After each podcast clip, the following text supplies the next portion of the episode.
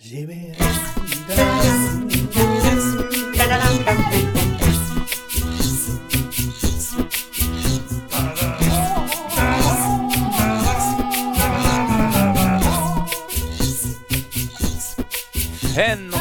välkomna ska ni vara till Avbockat podcasten med den långa listan. Det här är ju programmet där jag får chansen att lära mig en massa saker om en massa ämnen i populärkulturens värld efter en gediget lång lista.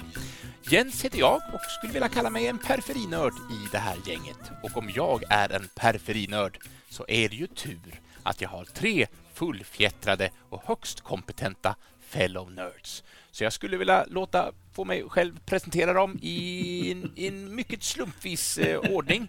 Vi börjar med Johan Moe Moset för han skrattade till. Ja, ja, jag skrattar alltid. Jag skrattar så gott. Ja, the fellowship of the nerds. Vi är här. Trevligt Ja. att råkas. Jag har det bra här och jag har inte hunnit fråga än, men jag är så himla Nej. snabb va? Ja, du, ja. det verkar som att du är taggad för det här avsnittet. Ja, men visst, visst. Är det dagens, avsnitt, eller dagens ämnen som gör att du är så där lite extra pepp, eller? Nej. Nej, du är alltid pepp. Ja, Alltid pepp. nä, nästan alltid pepp.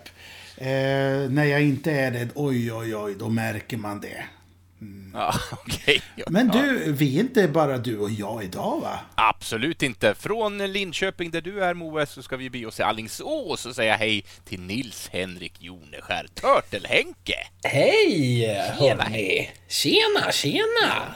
Hur är läget? Tjena mittbena. Jag måste bara fråga, hur många ger dig eh, benämningen Törtelhenke egentligen? Är det, är det ved- vedertaget liksom?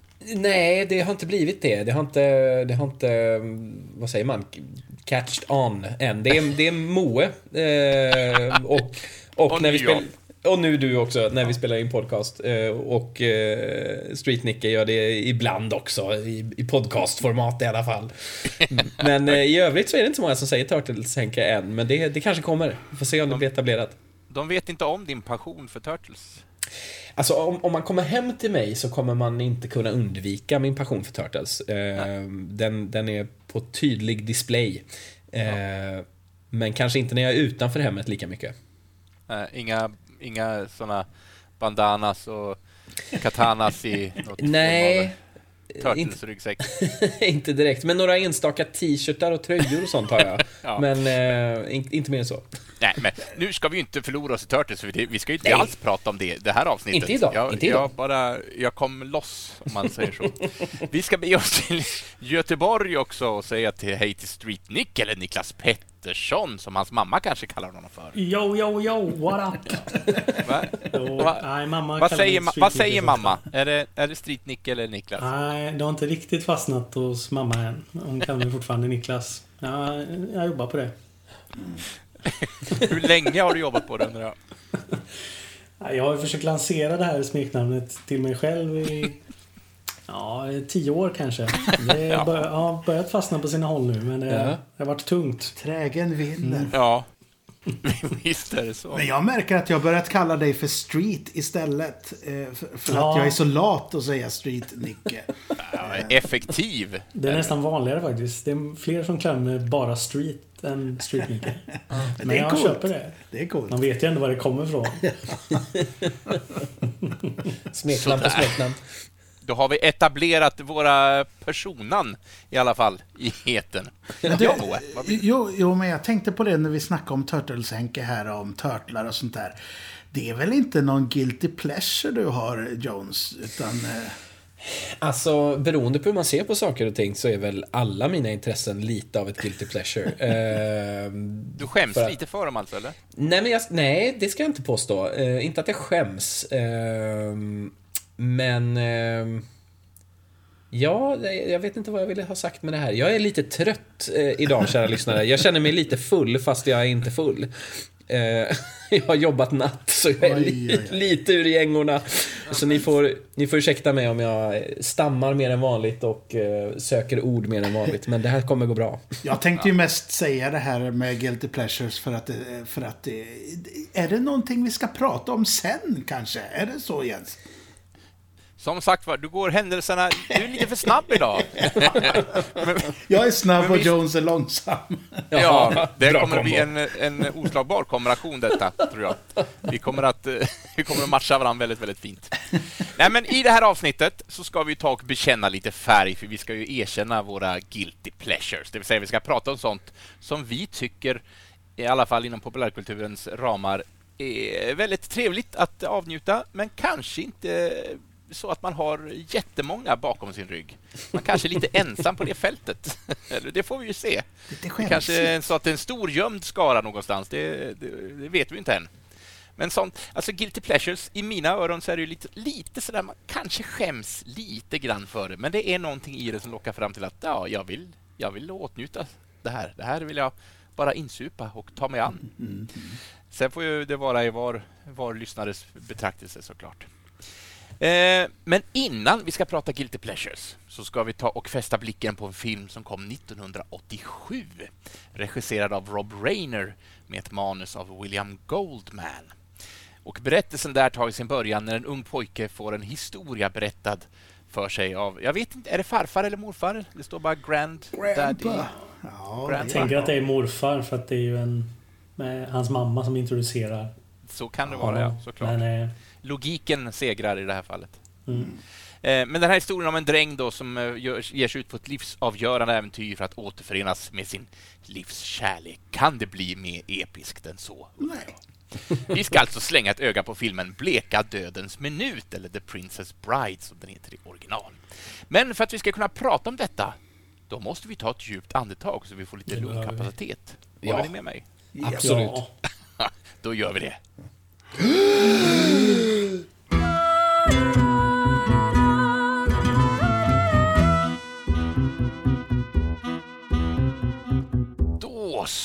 Bleka dödens minut från 1987. En... Eh, story får jag...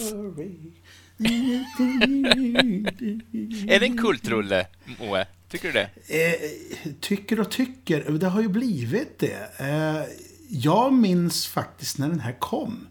Och, eh, alltså jag var skittaggad på en även, för jag älskar äventyrsfilmer. Så jag var jättetaggad på att den skulle komma. Och så kom den och så blev jag, jag minns att jag var lite besviken faktiskt. För att den var inte så som jag tänkte att den skulle vara. Men som sagt, jag var ju 11 år eller något sånt. Nej, jo, 9. Nio ja. år. Eller tio. Kom, den kommer väl till, till Sverige 88 kan jag tänka mig. Eh, och den kanske inte är bara riktad åt 8-10-åringar. Utan den är, ju, den är ju rätt så kvick i manus och sådär. Och man kanske måste vara lite mer vuxen för att fatta eh, charmen i det hela tror jag. Och jag tror att det var så överhuvudtaget att den slog inte riktigt så hårt som man hade hoppats att den skulle göra. För att eh, den signalerade att den var en sak fast den var något annat. Eh, har jag fått för mig om. Så att den blev ju inte någon jättestor hit förrän lite senare. Så det är väl typiskt en sån här kultrulle på något sätt. Ja, men tog... ja, precis det jag skulle komma till. För mig, en kultrulle är en film som inte går så bra i början, men genom åren så samlar den på sig en, en trogen skara fans. Och, eh, mm. och sen är den väldigt omtyckt när den har blivit 20 20 bast mm. någonting. Då... Jag tror att det... I alla fall min uppfattning är att det är definitionen av en kultfilm. Jag är inte ja. helt säker på om det är korrekt. Men det är så jag också tänker att det är en film som eh, har skapat en stor fanfollowing under åren. Till skillnad mot att bli succé direkt. Liksom. Ja, så kan det vara. Håller du med Henrik? Eh, ja, till viss del i alla fall. Eh, jag skulle nog ändå kalla många filmer som blev ganska direkta succéer för kultklassiker. Liksom. Eh, Star Wars blev ju en, en ganska stor succé på en gång och den skulle, skulle jag väl kalla en kult, kultfilm. Samma med Sagan om ringen-trilogin. Eh, men jag köper definitivt eh, alltså hela den här grejen att, att det liksom det blir större än vad det, än vad det var från början på något sätt. Eh, skulle jag väl definiera det som. Ja, men jag tänker att ordet kult också kommer från att alltså, den har en, en gedigen skara följare. Mm, eh, mm. Och det finns väl rätt mycket inom populärkulturen som har en stor skara fans. Så att, ja, vi kanske får prata om just fenomenet kult. Eh, Mhm. vad som Ja. är kult i- som ett annat Mm. ämne en annan gång. Precis. Men jag tänkte, kan någon bara lite snabbt, jag gav ju en väldigt kort resumé om vad, vad filmens premiss är här, men kan någon eh, ge lite mer kött på benen? Vad, vad är Bleka dödens minut? Vad är Princess Bride? Vad handlar den om? Jo, men, eh, ja, men som du säger, en, eh, eller som du sa där kort, en, det är en bondpojke, Wesley, eh, som eh, jobbar för eh, en, eh, en kvinna som han blir kär i. Det är så det börjar med, att de är, blir kära i varandra. Eh, men sen så försvinner han iväg och hon tror att han är död. Och, eh, så går hon vidare och så blir hon utvald att gifta sig med prinsen som ska bli kung snart. Och, men sen visar det sig att Wesley lever och kommer tillbaka så blir det en sån här... Eh, där han ska vinna tillbaka henne och så ska de... Eh, visar det sig att den här prinsen inte är så snäll och så ska de övervinna honom och så träffar de massa konstiga karaktärer på vägen. Det låter som att du skäms lite för att berätta det här. Ja, men jag känner att jag eh, inte berätt... Jag kände att jag började och hade någon slags riktning och sen så tappade jag den. Det känns som att det inte blev en bra sammanfattning. Jag skäms Nej, jo, men jag för, tycker- min, för min sammanfattning än filmen. Jo, jag tycker att det var... Och han stöter ju på massa hinder och de mest fantastiska karaktärer på den här resan också. Ja, Jag hade ju glömt bort att Billy Crystal var med. Det var ju Ja. en, var ju en härlig återupptäckt. Verkligen. Men det, det är ju lite Ja. av en odyssé sådär. För att han är ju på, eller man är ju, man är ju på en resa med de här karaktärerna. Som, och så träffar man på eh, folk som på den tiden var rätt så, det var rätt så många välkända komiker och skådespelare som dyker upp. Så, så det känns som att den bara sprudlar med smågött hela tiden. Eh, så, så man har ju ut lite av, om man känner till vad folk är för några. Eh, ja, men, ja. Ja, ja men det, den är trevlig. Sen, sen är den ju i en, i en ram av en sagoberättelse. För det, det är som sagt en liten, en liten farfar, eller morfar tänkte jag säga. Morfar som berättar en saga för en sjuk liten pojke. Eh, och som inte vill höra eh, riktigt. Han vill ju spela tv-spel egentligen. Men, men sen så, okej då, berätta då. Sen blir han ju insugen i den här berättelsen. Och, Ja, ja men det, det som är fint, det, jag ska inte... Eller ska vi spoila den här? Eller vad, vad tycker Ja, ni? Den är ju 88, den har, gjorde ju- 87. har ju några år på nacken ändå. Ja, men för, för, det, för jag Lägg märkte... in en liten fin spoiler-fanfar i alla fall, så har vi, har vi ryggen fri. Det är kört nu hörni, för hela avsnittet. Ni får hoppa fram till, till, eh, till eh, Guilty Pleasures om ni inte vill spoila den här filmen. Varning för spoilers. Warning, warning! Warning, warning! Warning, warning! Warning, warning! Warning, warning! Spoilervarning! Men det, det jag tänkte säga att jag, jag kände hur rysningarna kom precis i slutet där när, när morfar eh, blir tillfrågad om han kan du inte komma hit och läsa den en gång till? As you wish. Och då känner man, "Ah." Och det är så himla fint. Eh, och det, så kärleken mellan eh, morfar och eh, grandson där har vuxit under tiden. För att han var inte så förtjust i att eh, morfar skulle komma dit ju från början. Nej, han, eh, precis. Han eh, tycker att morfar är lite jobbig och bara håller på och nyper honom i kinderna och vad han nu säger i början där. Och det är Som det det första ju- han gör också när han kommer dit. Det första han gör. Blick med, mellan eh, sonen och mamman så. Åh. Ja. Men vi kanske bara ska ta, fortsätta en sån här liten vända vad vi själva tycker om, om den här Ja. filmen. Jag, har ju, jag hade ju aldrig sett den innan. Det här är första gången jag, som jag ser den. Eh, och eh, det är ju något som jag skäms lite över. För det här som sagt är ju en kultklassiker och det har jag ju verkligen förstått. Och jag förstår ju verkligen varför också. För den är extremt charmig den här filmen. Jag var väldigt eh, väldigt nöjd och glad när jag, när jag såg färdigt den. Ehm, men jättemysig och det... Alltså det är ju... Det är ju en film, jag, jag kan förstå att den kanske inte slog initialt för att den vet inte riktigt vad den är, känns det som, den här filmen. Den är lite av allt möjligt. Det är, det är, det är en äventyrsfilm eh, och det är en komedi slash parodi. Eh, det är en barnfilm fast ändå inte. Vi har en ganska så dramatisk hämndhistoria liksom. Eh, som vi säkert kommer prata mer om sen. Ehm, men det är ju det som gör att jag gillar den också, att den innehåller lite av allt. Och jag tyckte också att eh, den här humoristiska tappningen som den ändå har, den håller ju väldigt mycket bättre än många andra eh, komedier eller parodier från samma tidsepok. Vi har ju en film som jag tänkte mycket på, också kanske mycket för att Carrie Elwes eh, är med i båda de filmerna, men Men in Tights till exempel. Ehm, de här Det våras för Mel Brooks-filmerna liksom. Eh, den såg jag om för något år sedan. Eh, och den har sina stunder som är ganska kul tycker jag, men, men det håller inte alls lika bra som den här humorn gör, tycker jag.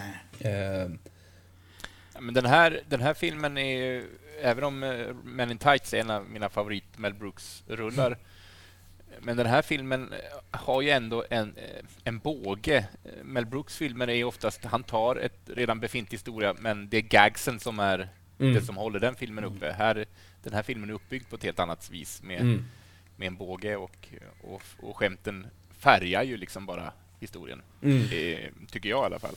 Jag, så, jag, såg en intervju med Carrie Elves, Elves, Elvis, jag vet inte tusan hur man uttalar det. Nej, inte jag heller. Eh, men där han berättade att han faktiskt fick rollen som Robin Hood efter att, han hade, att Mel Brooks hade sett den här. Mm. Mel Brooks var ju kompis med Carl Reiner. Det är ju eh, det är Rob Reiners farsa. Reiner, Reiner. Eh, Reiner är det va? Tror jag. Potato, Reiner, tror jag. Ja, eh, nej men de, de är ju gamla vänner liksom. Han är ju en legendarisk eh, eh, regissör i sin egen rätt, Carl Reiner. Mm. Eh, nej men så då hade han fått ny, nys på Gary Elves där. Att, oh, för han är ju väldigt mycket en Robin Hood-typ i den här. Ja, verkligen. Det är han ju. Ja. Ja, vad roligt. Ja, men, eh, som vuxen har jag sett den eh, ett åtskilliga gånger eh, och jag tycker att den är väldigt charmig. Och, ja, och nu så när vi snackar om den här humorn som vi, som vi var inne på så tycker jag att mycket av de här, ja, men som Billy Crystal kanske inte är den bästa scenen. men det finns ju andra gäst gäst gäster som är väldigt roliga. Vilken är favoriten då? Va, va? Eh, oj, oj, oj. Eh, jag ja. får kolla bland mina papper här. Jag, jag var väldigt svag för han, vad hette han? Eh, det, det, det, eh, Peter Cook. Han kommer in. Det är Peter Cook det är en engelsk komiker. Eh, han, han är ju, var ju komikerpartner med Dudley Moore. Så de, på 70-talet så hängde de som tusan. Och han kommer in och är the impressive clergyman. som ska förrätta eh, bröllopet då i slutet. Eh, Just det. Och han, är väldigt liten roll. Han ska bara hålla det här talet. Men ja, väldigt charmigt tycker jag. Det, det, ja. Har du någon sån favorit eh, street? Favorit street? Alltså, min, eh, min favor, en av mina favoriter, för jag, om jag ska säga, för mig, det här är en av mina absoluta favoritfilmer. Eh, jag tycker den är helt perfekt. Den har allt. Ja, ja men som Joneskär sa, den har ju allt verkligen. Och på så kort speltid ändå, för den är inte så lång. Men den har humor och spänning. Mm. Och lite parodi och lite romantik.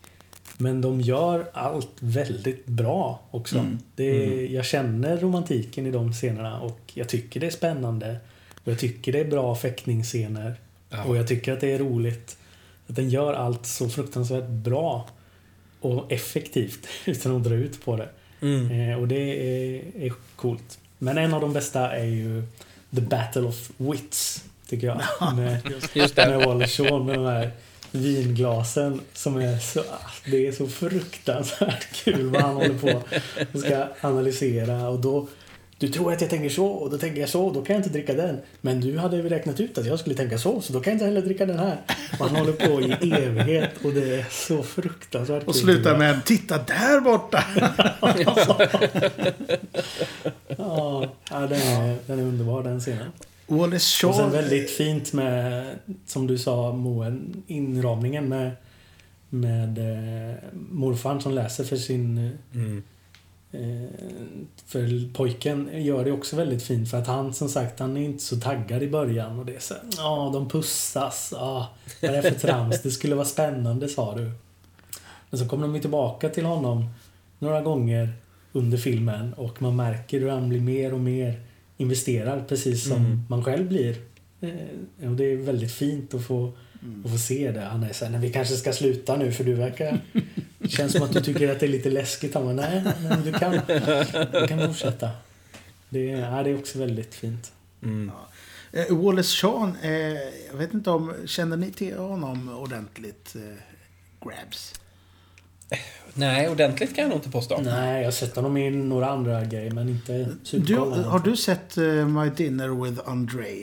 Ja, precis. Det är ju den mest kända jag Ja, har sett det är honom en blind spot för mig. Jag har ju inte sett den, Ja. men jag vet ju att det är en film för mig. Det är Ja, värsta. Men, den är, men han, den är härlig. ja, annars är han ju bäst känd som Rex i Toy Story. Ja, det var det jag skulle nämna. Det, den rösten.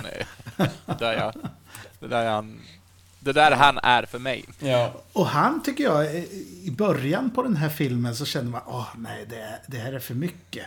Men han växer ju på en. Eh, Mm. Han är ju kul. Inconceivable! Unconceivable. ja. Eh, ja, men vad gött. Har du någon favorit då, Jones? Någon favoritscen? Ja, eller favoritgäst, om Eh, man ska säga. Eller skådis, överhuvudtaget. eh, ja men favorit, alltså jag tycker Carrie Elwes är väldigt eh, bra i den här filmen. Han är väldigt rolig i sin, eh, vad ska man säga, han är ju, han är ganska så stel men på ett extremt charmigt sätt. Han är inom citationstecken typiskt brittisk på något sätt, vilket är väldigt, väldigt roligt. Sen är ju Gud, nu tappar jag hans namn. Så här bra har jag researchat hörni. Inigo Montoya. Vad heter skådespelaren? Mandy Patinkin. Ja, Mandy exakt. Patinkin, ja. Ja. Fantastisk i den rollen. Eh, sen kan man ju kanske tycka vad man vill. Nu vet inte jag i och för sig vad Mandy har för, för släktskap. Men eh, det är ju med, med dagens ögon sett det här med eh, att man kanske inte kastar en, en eh, en eh, spansk, eh, spansktalande skådespelare eller liksom latinamerikansk skådespelare i den. Det här, var ju, det här var ju i Highlanders tidsera. du, Exakt. När, när Sean Connery kunde vara egyptier. så att det, Exakt. Nej men precis, så det är ju verkligen med, med de moderna glasögonen på. Men jag tycker han är fantastisk i den rollen. Som sagt, han får också in så himla mycket humor. Men också väldigt, väldigt mycket allvar i sin... Han gör det verkligen på allvar. Eh, med sin, hela sin hämndagenda. Som jag tycker ju... Jag sitter ju och sneglar lite på IMDB, alltså The Internet Movie Database här och jag älskar ju att gå igenom trivia-blocket. Det är, jag så fort jag sett en ny film är det alltid dit jag går bara för att få nörda ner mig lite.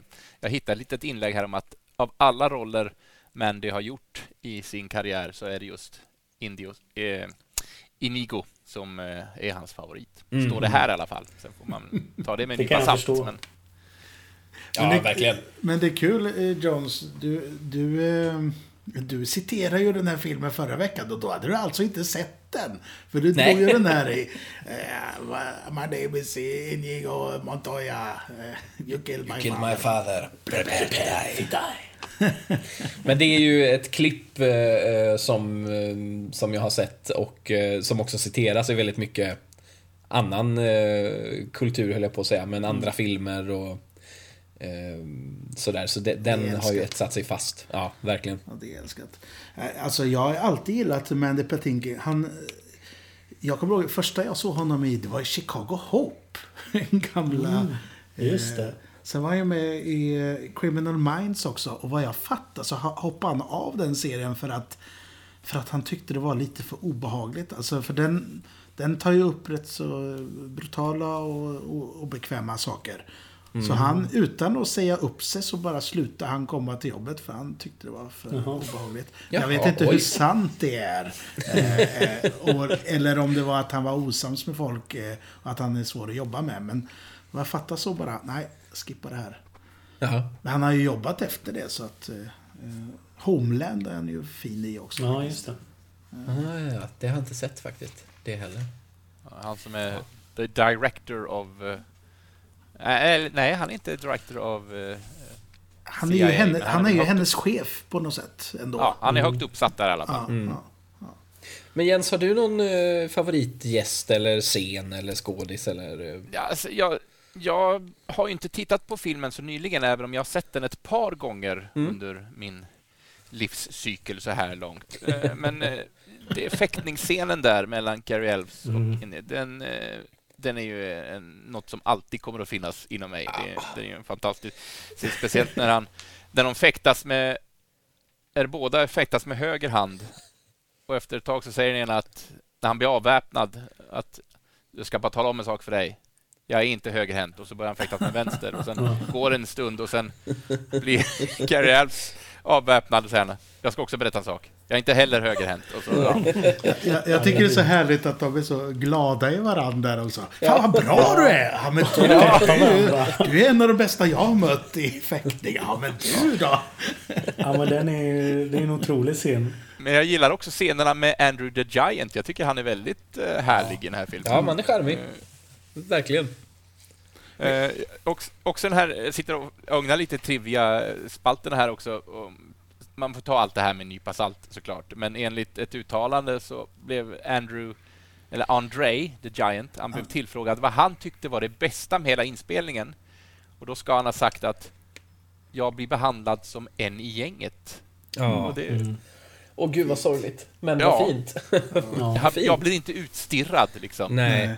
Eftersom han då är en stor, st- väldigt stor, stor man. Liksom. Han, le, han led ju av gigantism. gigantism. Han var ju 2,24 lång. Ja. Det är, man är, rätt så långt. stor då alltså. Han är ju men- rätt så bred också. Alltså han är ju... Är en, Jag, jag har sett en bild på honom när han står bredvid Arnold Schwarzenegger. Jag tror det är inspelningen av Konan. ja, han är med i Arnold ser ut som en där. flugskit alltså. Ja. väldigt, väldigt liten. Ja, Han, han är okrediterad i den eh, konan The Destroyer. Annars var ju han en fribrottare, så han, han var ju skurk mot eh, Hulk Hogan på 80-talet. Så de hade lite fejder där. Ja. Han är fransman, Ja, André. André. André. Eh, Jag, lä- förlåt, jag sitter också och lä- läser med trivia här. Tydligen var det så kallt under en inspelning så Robin Wright, som då spelar eh, The Love Interest och prinsessan, eh, den blivande, ja, Eh, när hon frös så hade André gått fram och lagt sin näve på hennes huvud och den var så stor då, i kontrast med hennes huvud tydligen, så att den täckte hela hennes skalp och på så sätt så höll hon sig varm. Ja. Stor och godhjärtad Ja. André. Ja. Fantastiskt. Ja. Eh, I den här intervjun som jag berättade om förut, den finns på nätet där också. Vi kan göra en liten länk. En Google-intervju med Cary Elves. Då berättar han hans första scen med Andre the Giant. Så, så, så, så ehm, sa eh, Cary Elves sin replik och så i motsvar så, så lägger Andre the Giant en gigantisk brakfis. alltså, och, och folk bara tittar, hur ska vi ta det här? För ingen kände ju varandra så väl. Liksom. Och, och så, så frågar Rob Reiner så här, eh, Andre, are you okay? I'm okay now. Ja. ja, fint. Ja, underbart. Men, Men jag eh, ja, förlåt Jens, kör. Nej, varsågod Henrik, vad hade du på hjärtat? Nej, men jag tänkte om, om eh, när vi ändå... eh, Nu har vi nämnt hans namn ganska många gånger, Cary Elves. Så jag tänkte, ska jag, ska jag berätta lite om honom? Mer än gärna. En av filmens... Vem är han? Ja, men Cary Elves, han är ju en av den här filmens huvudrollsinnehavare, spelar ju alltså Wesley. Eh, och eh, han är då en brittisk skådespelare som föddes i Westminster, London eh, den 26 oktober 1962. Han är alltså idag 59 år gammal, fyller då alltså 60 i oktober. Eh, och han föddes till Dominic Elves och Tessa Kennedy och är den yngsta av tre bröder vad jag kunde läsa mig till. En väldigt konstnärlig eh, och kulturell familj. Eh, Fadern var, han var konstnär och eh, mamman var eh, designer.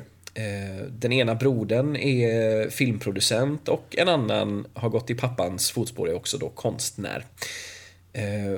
Men också förfäderna är mm, väldigt kulturella med både far och morföräldrar som var verksamma konstnärer och producenter och diverse. Och rolig trivia är att en av hans förfäder, John Elves, eh, jag tror att han var någon form av politiker om jag förstod det hela rätt, eh, var tydligen Charles Dickens inspiration för karaktären Ebenezer Scrooge. What? Eh, bekräftat, bekräftat av Dickens själv. Vilket ju då också är lite roligt för Cary Elves är ju, han spelar inte Ebenezer Scrooge, men han är ju med i eh, filmatiseringen från 2009. Den här, eh, jag höll på att säga stop motion, men eh, motion capture. Eh, Med Jim Carrey. Eh, spelar han ju lite blandade roller. Jaha, det hade jag Ja, ingen aning om. Jajamän. Ja, Han, han var ju faktiskt också, det visste jag inte, för många av de här rollerna, Jim Carrey gör ju många av de stora rollerna i den filmen. Men jag trodde ganska länge att Carrie Elves var eh, åtminstone ett av de här eh, spökena. Eh, men tydligen så var han eh, för, ja, de, har ganska lika röster ibland i den filmen, Carrie Elves och Jim Carrey. Men tydligen så var Carrie Elves eh, Jim Carreys stand-in i de scenerna när Jim Carrey då, för han spelar ju Scrooge och eh, spelar också alla de här spökena då. Så när Jim Carrey behövde spela mot sig själv så fick Carrie Elves hoppa in och vara Jim Carreys stand-in. Eh, Så han fick spela Ebenezer lite grann. Eh, Så han fick väl gå i sin förfaders fotsteg där. Men eh, hur som helst, eh, han utbildade sig då vid Lambda, som är London Academy of Music and Dramatic Arts. Eh, och flyttade sen till US, USA. Eh, och där fortsatte han att utbilda sig, bland annat vid Actors Studio. Eh, och när han var ung, hörni, så arbetade han en del som produktionsassistent. Det här var eh, hans ja, senare, sena tonår. Och då var han produktionsassistent på en ganska så känd superhjältefilm. Kan ni gissa vilken? Vilket årtal sa du? Ja, det kommer jag inte ihåg faktiskt. Jag har inte Eh, Det antecknat. kanske du inte sa. Nej, jag sa inte det. jag, jag gissar här då. To- Ja, kör. Total, total chansning. Eh, ehm, Dick Tracy. Nej. Nej, mer... Vad sa du? Stålmannen. Jajamän, Stålmannen. Aj, aj, Han var tydligen assistent åt Marlon Brando på den filmen. Wow. Eh, Men sen så gjorde han då sin egen filmdebut 1984 i filmen Another Country. Och sen har han dykt upp i en lång rad eh, ja, klassiker och en hel del kultklassiker. Eh, Hot Shots till exempel, Men in Tight som vi redan har nämnt. Eh, Bram Sto- Dracula, ja, Bram Stokers Dracula. Eh, Djungelboken, eh, en, en eh, spelfilm som jag växte upp med. Eh, och sen så Men var han apropå ju... Jim Carrey, Liar Ja. Liar är väl med i också? va? Mm, Ja, just det. precis, Ja. precis. Eh, exakt. Och sen var han ju också med och startade Saw-franchisen i rollen som Ja, just det. Det är Dr. Gordon en eh, 2004. annorlunda roll. Ja, verkligen. Vad han annars är känd för. Ja. Han återkom ju till eh, så för att avsluta sagan på något sätt men eh, det bl- blev ju inget avslut. De bestämde sig för att fortsätta efter avslutet. Eh, Men ja, så det är väl ett litet axplock av det han har gjort. Han har också gjort mycket röstjobb och en hel del teater och sådär också naturligtvis. Han är ju, han är ju väldigt rolig fysisk eh, skådespelare. Alltså den här i slutet på den här eh, i Bleka dörrens minut när han är förlamad. Han är, det är väldigt roligt hur han... Ja, det är det. De, de måste lyfta på hans huvud för han åker ner Man ska hela titta tiden. över muren och de bara kastar upp honom. Det är väldigt kul. Det hade jag glömt faktiskt att han är så pass rolig den här som han är. För jag tänkte, i, mitt minne av den så är alla andra roliga och inte han. Men han är ju väldigt skoj. Ja. Verkligen. Ja, det är något med det här the straight guy på något sätt som han gör väldigt, väldigt bra. Eh, som blir väldigt humoristiskt. Ja. Men det, det är likadant i, eh, i Man in Tights är han också ganska mycket straight guy. Det är inte han Mm. som står för de, för de komiska eh, egentligen, utan men han, men han är ju en, han är ju straight, men han är, han är, han är en rolig straight man. Precis. Ja, men det, behövs ju, det behövs ju ofta en sån. Som för att det ska bli kul och det, det är en, krävs en jäkla finess för att vara en så bra straight man som han är. Verkligen. Det lyfter ju Verkligen. liksom resten av filmen. Eller resten av alla komiska filmer han är med i. Ja, definitivt. Eh, Men när vi ändå pratar om komik, precis som du nämnde Mo, att eh, jag nämnde också att Billy Crystal var med och han eh, han var ju otroligt stor på 80-talet, Billy Crystal, Mm. och har gjort fantastiska roller. Men han är inte så jävla rolig i den här filmen, tycker inte jag. Men däremot så, återigen, till trivia-listan här. Vad sa du, Nicke? Jag älskar den scenen så jag tycker han är Ja. jätterolig. Men jag, som sagt nu har inte jag sett filmen på några år. Eh, jag skulle ju ha sett den, men jag hann inte riktigt med det innan den här inspelningen. Men, så jag letar lite i mitt minne, men jag, jag tyckte att andra bitar av filmen var roligare. Och han har varit roligare. Eh, Mm. Men eh, jag sitter också och ugnar fortsatt här genom den här trivia-listan och Rob Reiner ska ha lämnat inspelningsplatsen under de scener med Billy Crystal för att han, han garvade sönder tagningarna. Han garvade så Jaha. hårt så att, så att han förstörde, så han var tvungen att gå därifrån. Ja. Så att, eh, Det är ju- må, många, någon tyckte att uppenbarligen att han var fantastiskt rolig. Verkligen. Det är ett väldigt bra betyg. Ja. Nej, Sköt det här ni, jag, jag kan inte vara kvar, jag måste gå. Ja, precis. Eh, var du kvar, eh, klar där Henrik? Ja, Karen? ja, där var jag klar. För jag tänkte att när vi ändå pratar om eh, herr direktore Rob Reiner, det har ju du grävt lite grann i Nicke, tror jag. Ja, det stämmer. Vill du upplysa mig om hans eh, karriär och liv och leverne? Det vill jag jättegärna göra. Eh, Rob Reiner, ja. Han föddes eh, 6 mars 1947 i The Bronx i New York. Eh, och eh, hans föräldrar Som Estelle och... Spindelmannen? Ja. Ja, Han är Brooklyn Nej. Kid. Nej, Brooklyn. Brooklyn. Ja, precis. Captain America som är Bronx. Förlåt. Ja, ni märker. I'm still Jenny from the Je- eh, Jennifer Lopez är från Bronx. Det kan vi vara överens En om. eh, hans föräldrar Estelle och Carl eh, Reiner var båda skådespelare. Eh, Carl var lite mer etablerad, får man säga. Han är ju ganska, har ett ganska gediget CV. Eh, mycket komiska grejer och varit manusförfattare också. Jag är inte så bevandrad i honom, men eh, han är mest känd för mig som Saul Bloom i Oceans Eleven filmerna. Eh, Just det. Just den det. gamle gubben med fiskarhatten. Eh, det är Rob Reiners pappa. Men eh, Rob Reiner eh, har jobbat eh, både som skådespelare och eh, regissör. Eh, och som skådespelare slog han igenom stort i tv-serien All in the Family. Under samma tak heter på svenska. Jag har aldrig sett det. Eh, Nej, så jag kan inte Nej, gå i god för det, men den är väldigt, gick en sån riktig långkörare. Eh, men i, samma med honom, jag är inte så bevandrad i honom som skådespelare. Den enda referensen jag har egentligen är att han spelar Zoe Deschanels pappa i New Girl. Just det, just det. Eh, och återkommande i några avsnitt och är väldigt bra. Han har ju komisk timing också. Eh, men det är nästan det är det enda jag kan komma på det jag har sett honom som skådespelare. Och han är mer känd och framgångsrik som regissör. Och det börjar egentligen redan med hans debut 1984 This is Spinal Tap. Som ju är- fantastisk film! Otrolig film och en eh, väldigt tidig... Undrar om det inte är den första mockumentären också. Som, Ja, ja, men det måste det vara. som har blivit vanligare liksom. Men eh, får jag bara göra ett inpass här då? Dun. Eh, I Spinal Tap så har vi ju Christopher Guest är ju med där. Och han är ju också en... Han är ju med i den här filmen som skådespelare. Så jag bara kastar in det. Han är ju Count Rugen. Eller, eller hur Ja. uttalar man det? Eh, han är gift med Jamie Lee Curtis, hörni. Eh, Oj, oj, oj, oj, Det oj. visste inte jag.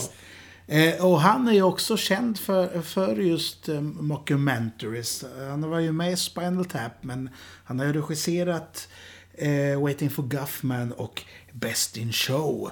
Eh, så, så det var mest det jag tänkte säga. Han var med i Saturday Night Live runt 84-85 också, så han var ju en stor komiker just under den tiden. Ja, eh, over to you, Ian Street. Tack, tack. Eh, men så This is Spinal Tap 84 var hans första. Och sen följde han upp det med en... Alltså det är en helt otrolig rad filmer. Ja, det är först- konstigt faktiskt att han inte är eh, känd som eh, liksom ett av 80-talets bästa regissörsstjärnskott. För Ja. att eh, nu, lyssna nu på den här listan som Sweetnicke kommer med. Alltså.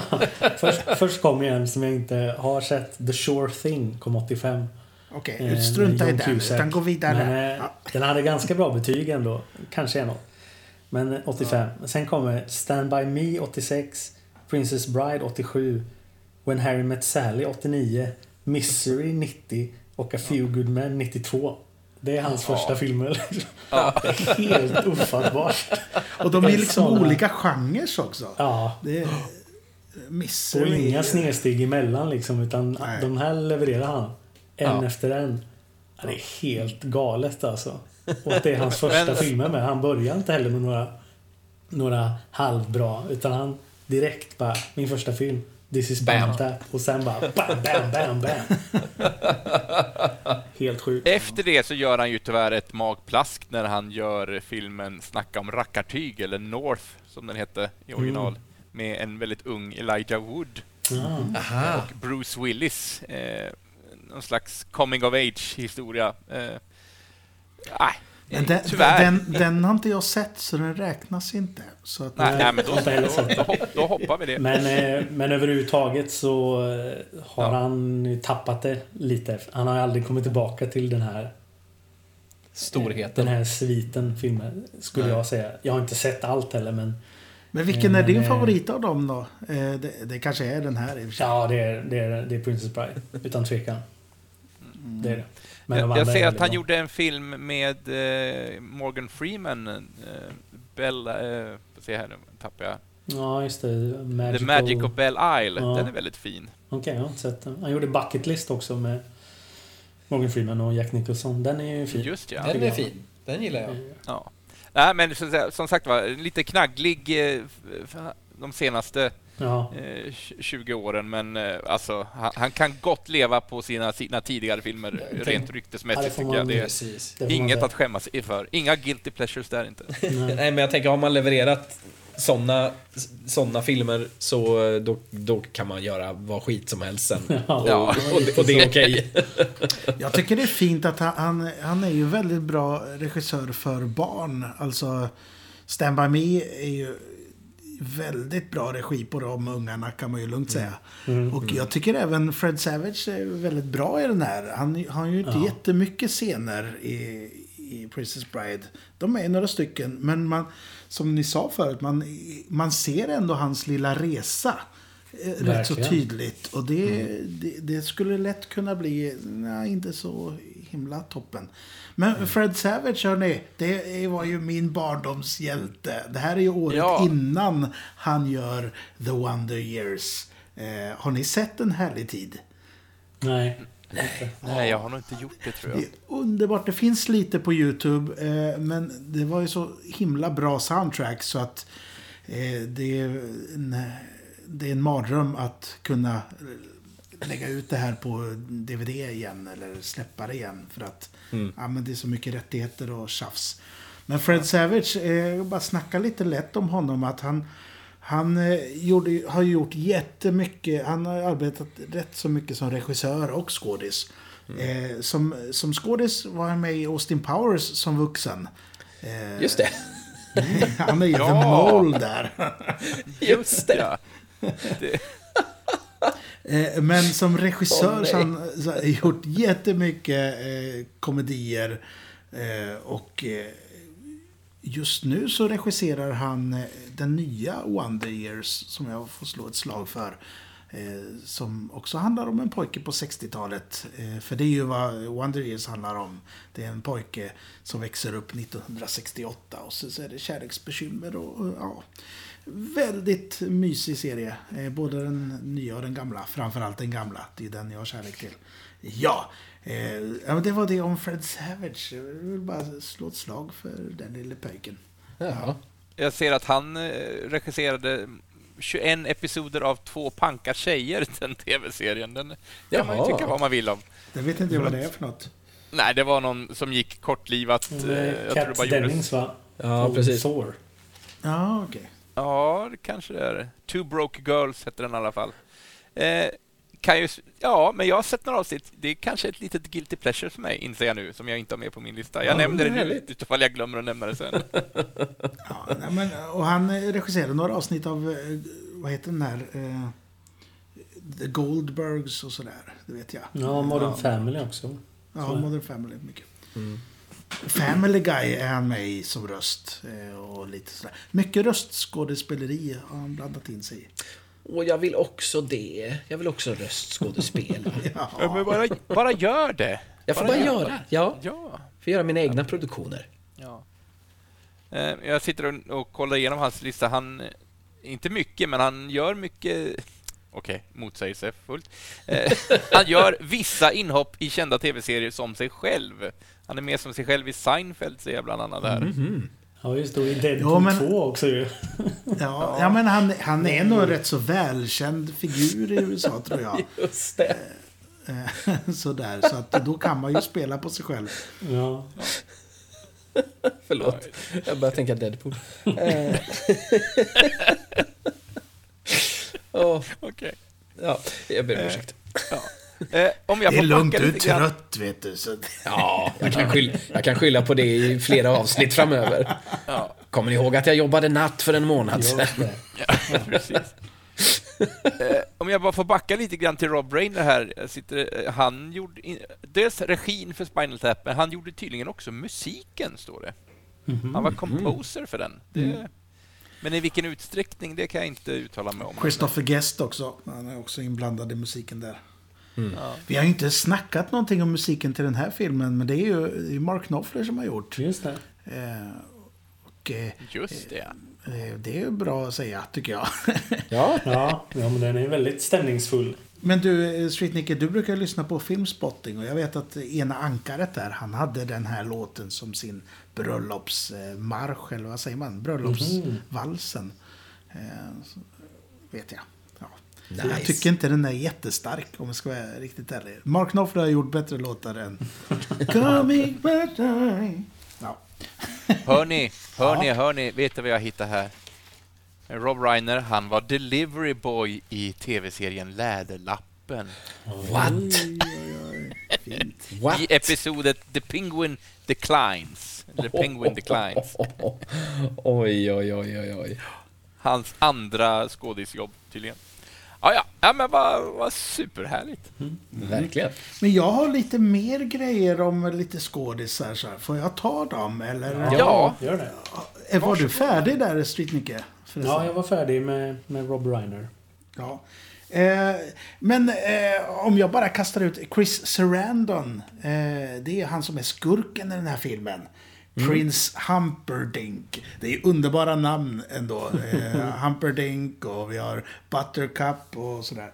Eh, men Chris Sarandon, nu alla är gifta med varandra på något sätt i den här filmen. Han, han, är ju, han var ju gift med, med eh, Susan Sarandon.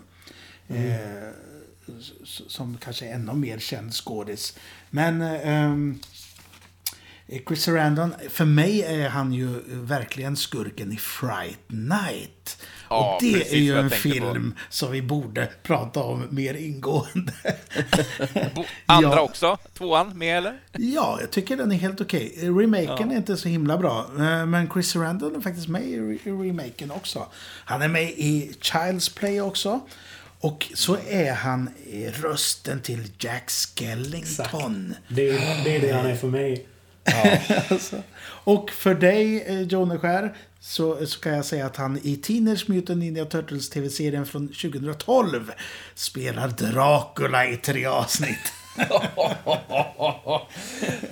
2012-serien är lite, lite av en blindspot för mig faktiskt. Men jag har sett en del. Eh, Den är, den är trevlig. Ja, vad kul!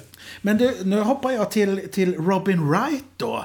Och hon, Ja. hon var ju gift med, eh, Ro, eh, hon var ju gift med Sean Penn. Just det, som, som ju spelar mot Susan Sarandon i, eh, i den här eh, Dead Man Walking. Och då har jag försökt febrilt att hitta en, eh, ett skämt här mellan Dead Man Walking och Bleka Dödens Minut. Jag vet att det finns ett skämt där, jag hittar inte Men du har inte hittat det. Du har inte hittat det bara. Robin Wright, hon, hon är ju mest känd kanske för Forrest Gump, va? Eller eh, hon är med i Unbreakable och numera... Beowulf vet jag Ja. hon är med i också. House of Cards. Just eh, det. nu Ja, på senare tid. alltså Cards är hon inte känd för. Och Wonder eh, Woman. Wonder Woman. Wonder Woman! Mm. Hon Ja, just- ja. gör också ett samarbete, till samarbete med Carrie Elves i eh, just A Christmas Carol som vi pratade om tidigare. Då eh, gör hon rösten till eh, Ebenezers syster och Ebenezers eh, kärleksintresse. Alltså inte samma karaktär utan två olika karaktärer. Men ja, ja. You know! you know. Eh, det var, eh, jag har fler här, men jag känner att det var rätt så lagom för min del. Eh, jag Slängde in lite om de viktiga karaktärerna, eller vad man säger. Så finns det ju ännu fler. Som sagt. Men det är ju en väldigt trevlig film det här. Eh, det, Det måste det. jag säga. Jag skulle också vilja passa på att slå ett slag för eh, The Princess Bride Home Movie. Just det. Precis vad jag skulle introducera. Ja. Men visst är det så att den gjordes av en bunt skådisar när de satt i karantän och så gjorde de några bitar var och så satte de ihop det till Ja, precis. slags hemversion av... i eh, pandemins vagga, som man så fint säger, så, så gjordes det här projektet och det var kopplat till välgörenhet också, samlade in pengar. Och då delade de liksom upp filmen i scener och så spelade en otrolig rad kändisar in det här med sina telefoner. Ja, eh, det är hemma charmigt, vid liksom. alltså. Eh, och med olika... De har gått in för olika mycket med kostym och rekvisita men det är väldigt, väldigt charmigt. Ib- ibland är det lasersvärd och ibland är det tennisrack som får Ja, agera värjor. Eh, och det gjordes ju för en eh, tjänst som eh, också lanserades i, i början av pandemin som heter Quibi. Som har lagt ner. Det blev ingen succé direkt. Men den är också, det är gjort för att man ska titta på en telefon i stående läge. Så att formatet är så. Men den finns i sin helhet att se på Youtube. Eh, Och den är... Den är gillar man originalet så är det otroligt charmigt och roligt Ja. att se alla de här kändisarna som går in för det och spelar på riktigt fast de är liksom i, i sin trädgård och man ser en swimmingpool i bakgrunden. Och de spelar ju också två personer som spelar mot varandra. Det är väldigt sällsynt de är på samma ställe. Utan det är, det är ju bara kam olika kameravinklar och så är det alltid en buddy double som liksom är den andra. Och det är väldigt ofta deras barn som är... Som man ser att, att när de ska ge någon någonting så helt plötsligt så är det en barnhand som sträcker fram ett svärd och sådär. Det är väldigt, väldigt roligt. Det är väldigt charmigt. Jag, jag såg den direkt efter att jag hade sett eh, originalet. Och det var Ja. rätt så tacksamt faktiskt. För att då, då är man med på varenda replik. För de Ja. har ju inte ändrat manus någonting. Nej, utan nej. det är exakt manuset. Fast, ja, att de eh, istället för att klättra upp för en eh, vägg så kanske Jack Black i rollen som, eh, som Wesley klättrar upp för en trappa. Så man ser att han ligger och krälar. Det är väldigt roligt. Väldigt Ja, det är bra. fint. Och Rob Reiner är med och spelar... I början så spelar han morfan och det är väldigt fint. Eh, mot Ja. Fred Savage som är tillbaka som sonen. Men ännu finare blir det i slutet när Rob Reiner då är, är barnet. Och hans riktiga pappa Carl Reiner spelar morfan i sin sista filmroll för han dog eh, precis när det här släpptes. Ja. Eh, så ett otroligt fint avslut Ja. liksom. Wow. Eh, och så gör de miljöscener när det är mycket folk. Så, eh, Jason Reitman är det som regisserat. Eh, och han, de gör dem i lego. Så det är så legofigurer. Som också är så otroligt roligt. Och så här ligger det ju, de gör alla röster själva. Och så är det någon som rör på legofigurer och sådär. Ja, det, är, det är kul. Det är väldigt roligt. Ja, härligt. Eh, och höjdpunkten tycker jag är eh, hämnd... När Inigo Montoya får sin hämnd i slutet. Den scenen spelas mellan Bryan Cranston som Count Rugen och Javier Bardem som Inigo Montoya. Och de går in för det så mycket och sen så är det så otroligt kul att Javier Bardem, för varje klippning så är det olika saker som är hans svärd. Så han har gjort ett skumgummisvärd och sen en baguette och sen en dammvippa och tennisrack. Och det slutar aldrig liksom. Det, men samtidigt, teatern är på riktigt liksom. Det är Ja. så mycket trams runt omkring. Det är kul. Åh, vad härligt. Det, det är många hundar som får vara, eh, som får vara olika. De är hästar och de är de här råttorna i skogen. Och, ja. Men hörde ni, jag glömde ju, jag har glömt att nämna två, om två personer faktiskt. Och det är ju min stora hjälte Peter Falk. Hur kunde jag glömma honom som, som spelar morfan där? Eh, våran Colombo. Och vet ni om att han spelade Colombo i 69 tv-filmer? Det är Åh, otroligt, jäklar. alltså. Det är många. Och jag vet att jag har pratat om honom förut där, så att det kanske inte gjorde så mycket att jag glömde. Men han, han har ju ett glasöga. Eh, Det kanske inte alla vet om, men han opererar ju bort sitt öga. Det, han gjorde ju inte det, det var ju någon doktor han Bra att du klargjorde det. Tack. I treårsåldern, det hade varit svårt att göra det själv annars. Ja. Eh, n- när han var tre år, han hade cancer. Men han, han gick bort i Alzheimers 2011. Men någon som är riktig legendar, det är ju, det är ju den här William Goldman. Som, som du nämnde Jens i början där. Som skrev manuset ja. Ja, och det är en legendarisk manusförfattare. Han är känd för den här och sen är han känd för Butch Cassidy and the Sundance Kid. Och all, Alla presidentens män. Och sen skrev han även Marathon Man. Och framförallt så är han ju i USA känd för sina memoarer Adventures in the Screen Trade. Som är lite sån här handbok i hur man skriver manus. Så han är, ju, han är ju väldigt ansedd i USA. Eh, ja, gick bort eh, 2018 han också. Eh, men ändå slå ett slag för honom. För en av den här filmens st- styrkor är ju verkligen manuset. Kan man ju lugnt säga. Eh, det är ju väldigt roligt talmanus. Det är väl viktigt att nämna det, för jag tror inte att vi sa det, att det, att det ju bygger på en bok som han ju också har skrivit från början. Ehm, så har han sen gjort ett filmmanus på det liksom. Ehm, Det var även han som slog ett slag för Robin Wright. För de hade inte hittat den skådisen. Eh, Nej. och där, nu har jag hittat Buttercup här. Ja. Och då sa de andra, ja, då får det bli så eftersom det är ändå William Goldman själv som har hittat Mm. henne. Jag är så jäkla imponerad av Robin Wright alltså. Hon kan ju för fan spela precis vad som helst. Ja, verkligen. Där, Och göra det så bra, tycker jag. I serien eh, att eh, Street Nicky blir kär i någon så är det Robin Wright eh, blir kär i. Han har inte så, många, inte så många att välja på i den här filmen i och för sig. Men, men eh, det, Det är inte är, heller, det är hon och Andre the Giant. Ja, men det är inte heller svårt att bli kär i henne. Hon är... Jag är lite bra. småkär i, i många i den här filmen alltså. Eh, det, Robin Wright absolut och som sagt Andre the Giant, Carrie Ells. Ja, nej men det är så många. Och Mandy Patinkin som sagt. eh, oh, Oj, oj, oj. Nej men det, hjärtat klappar lite snabbare för, för många i den här filmen. Det- Alla lyssnare, om ni inte har sett den här filmen, gör det. Ja, Den är gör bra. det. Verkligen. Lovar. Och, Verkligen. och följ upp det med The Ho- Home Movie Ja. efteråt. Ja, den ska jag se ikväll tänker jag. Kul. Faktiskt. Mm. Ja, jag måste också ta mig tid att titta på den där. Det är, det är synd och skam att jag inte har prioriterat det än. Men det är så mycket som ska tittas och ses på hela Det är tiden. ju det. Det är ju Det är det. liksom inte med. Det är därför jag har er som kan uppdatera mig så jag får ändå en mental bild av, av så mycket som jag missar annat. Som du missade från 1988. Nej, nu. du, har ju, du har ju sett den här, så att det är cool.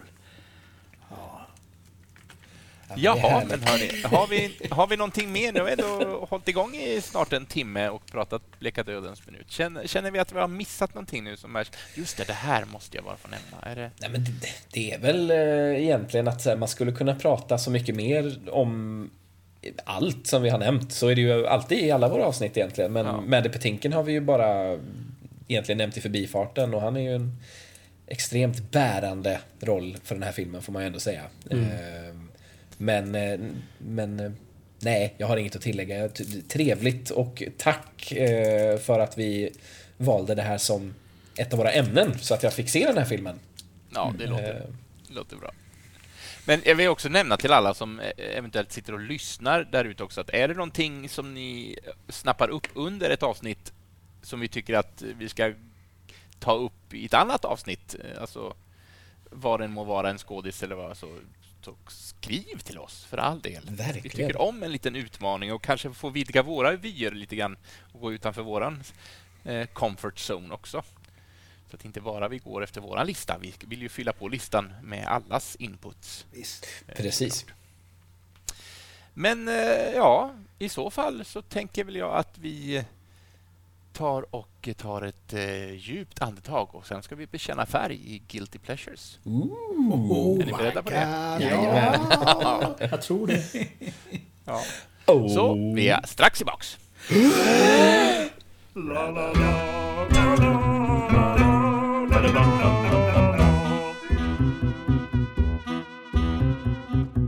där du Street-Nicke, då bryter Ja. vi in i vårt eget program. Vi tar över.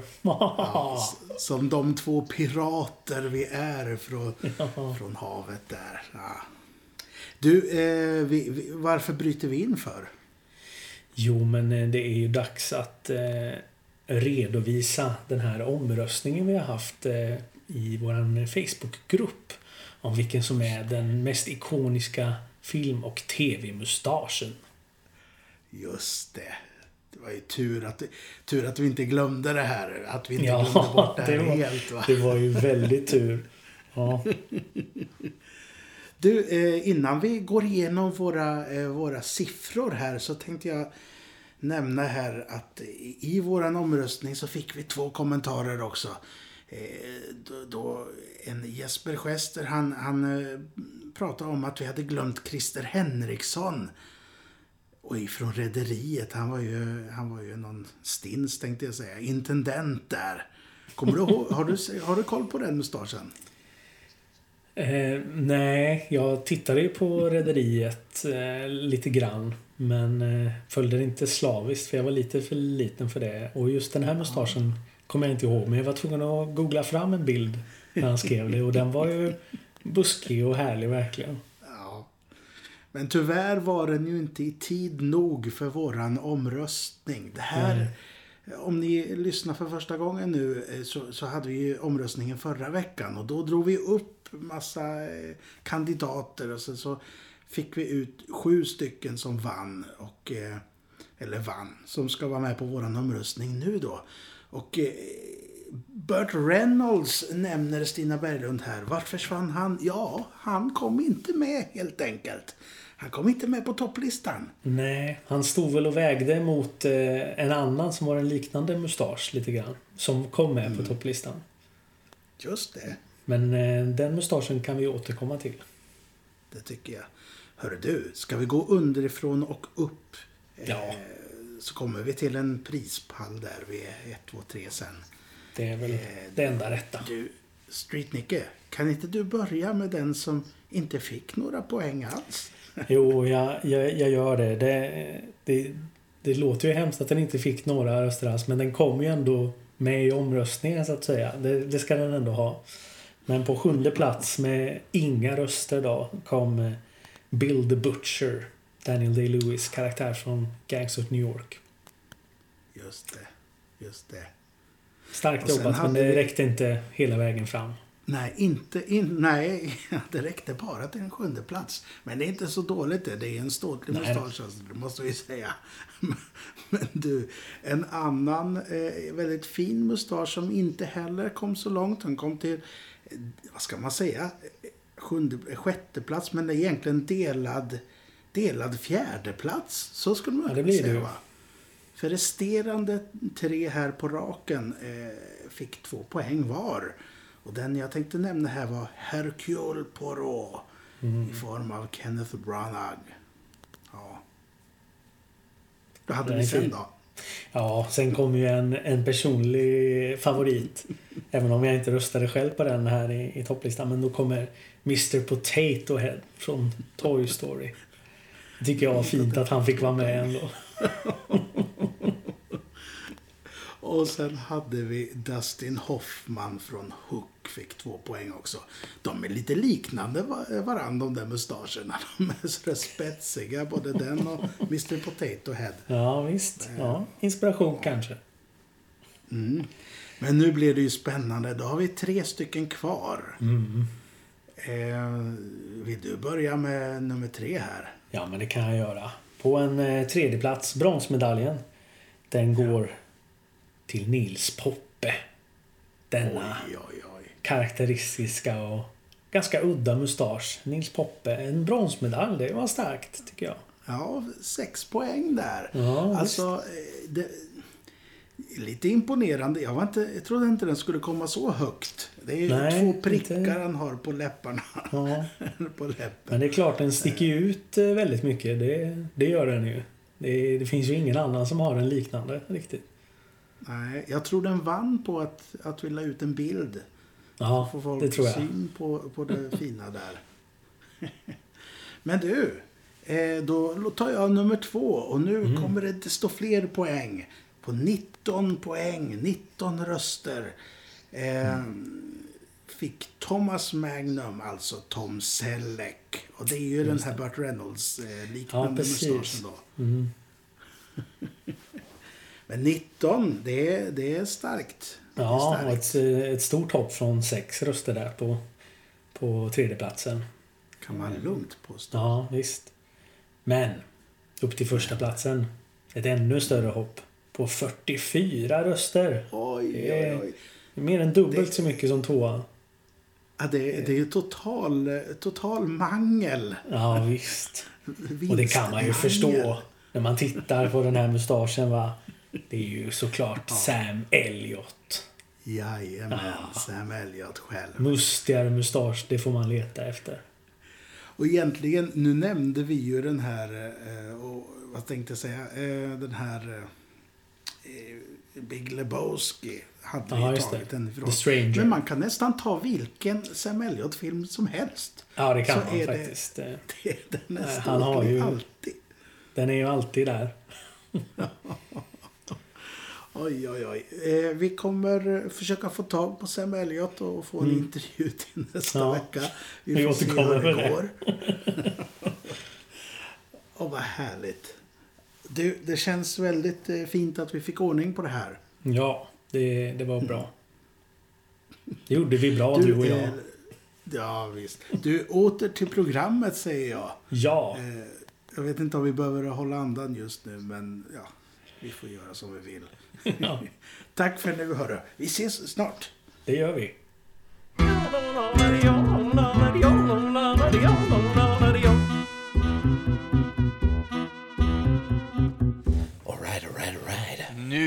Förstår ni, nu ska vi ta och bekänna färg. Det här kan bli ett mycket känsligt eh, avsnitt.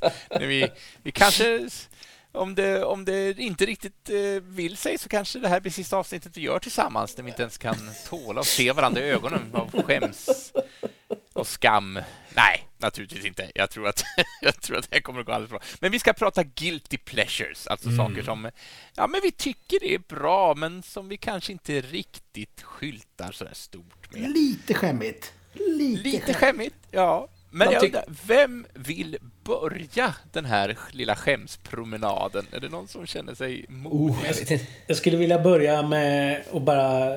Att det finns ju... Det är ju, finns lite så hur, man definierar det. Ja. Att, guilty pleasure, att det, visst, det kan ju vara att man skäms lite. Men det kan också vara att man kanske vet på någon nivå att det inte är så bra fast jag Just tycker det. att det är bra. Ja. Fast jag behöver inte nödvändigtvis skämmas för det ändå. Det skulle jag också definiera som en, Just det. Just en guilty pleasure. Något som jag fattar Inte är dåligt. jättebra. Jag fattar att folk inte tycker det är bra fast jag älskar det Men det, ändå. ja, men det finns någonting i det som fångar just dig. Men jag kanske Ja. fortfarande är stolt för att jag älskar det. Ja, men precis. Sen finns det en del saker som jag skäms för. Det var lite, lite det jag eh, ville komma åt tror jag i, i eh, vårt introsnack där. Eh, när jag sa att det mesta jag tycker om är väl lite guilty pleasure. eh, men, eh, men det är inte så mycket som jag skäms för. Eh, faktiskt. Och det är ändå skönt. Men ja, nej men det här blir spännande. Nej men jag kan väl börja Oj, eh, oj, oj. med en. Och då, jag har inte gjort någon sån här gedigen lista utan jag kan babbla på om diverse av mina intressen. Men eh, just på den definitionen eh, som vi precis pratade om att men det här, här är det nog lite skamkopplat också faktiskt. men eh, något som jag är högst medveten om att det inte är bra, men som jag ändå tycker är jävligt charmigt. Men som jag också skäms lite för att jag tycker det är charmigt. Kom till saken nu då. Ja. Något som jag växte upp med, Power Rangers. Ja. Eh, jag tror att jag har pratat om det tidigare i något avsnitt, eh, mycket möjligt, eller nämnt det i förbifarten. Men eh, jag älskade Power Rangers när jag var liten. Eh, så... Älskar Power Rangers nu. Ja, men på sätt och vis. Eh, åtminstone den Power Rangers som jag växte upp med, alltså Mighty Morphin Power Rangers. Eh, för det finns ju hur mycket Power Rangers som helst numera. Det har ju Ja, bara det är inte samma, eh, liksom, samma människor och samma karaktärer. Det har det aldrig varit. Nej, okej. Men eh, vissa Men- av de men- här gamla karaktärerna fortsätter ju att dyka upp eh, med jämna mellanrum. Men visst var inte det att de här fighting-scenerna från början, om jag bara fått hört, det kom från någonting helt annat som de bara lånade in och klippte in. Ja, jag kan ge lite Eller- historia eh, faktiskt. Upplys oss. Jag känner att det är välbehövt här. Ja. Eh, nej men för i Japan eh, så finns det en serie som heter eh, Super Sentai. Eh, den hade premiär i Japan 1975. Eh, och blev, ja men det blev väl någon slags kultklassiker eh, i Japan. Klassiker på en gång, typ. Eh, men så den, den löpte på i en jädra massa sånger och jag vet inte om det går fortfarande. Men på tidigt 90-tal, 93 tror jag, så eh, var Haim Saban eh, på en resa i Japan och eh, såg eh, något avsnitt av någon, någon sån här Super Sentai då. Eh, så då bestämde han sig för att eh, anpassa den här serien till en amerikansk publik då på Fox Kids. Eh, genom att, precis som du var inne på Jens, använda sig av klippmaterial från den japanska serien, framförallt fighting-scener och sådär. Och då tog man från den 16 säsongen av Super Sentai, som man då kombinerade med nyfilmat material och så föddes Mighty Morphin Power Rangers. Så man flög in eh, massa kostym och, och ehm, rekvisita och sådana saker från Japan. Eh, och vissa grejer fick man producera själva. Eh, och så klippte man lite fint däremellan. Man kan se framförallt i början väldigt tydliga kvalitetsskillnader på, på klippen. Eh, men handlingen om, om Power Rangers kretsar ju kring, till en början i alla fall, fem tonåringar som rekryteras av en intergalaktisk varelse för att skydda jorden från ondskans makter. Eh, och då tilldelas de övermänskliga krafter och då blir Power Rangers då klädda i väldigt glatt färgade spandexkostymer med tillhörande och matchande hjälmar. Så slåss de mot diverse rymdmonster helt enkelt. Genom, eh, ja, kampsport.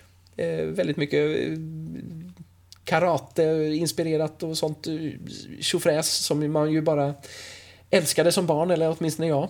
Eh, och jag tänkte ju någonstans när jag blev vuxen att så här, men det här tyckte jag ju var så jäkla fräckt när jag var liten. Ehm, det är säkert skitbra nu också.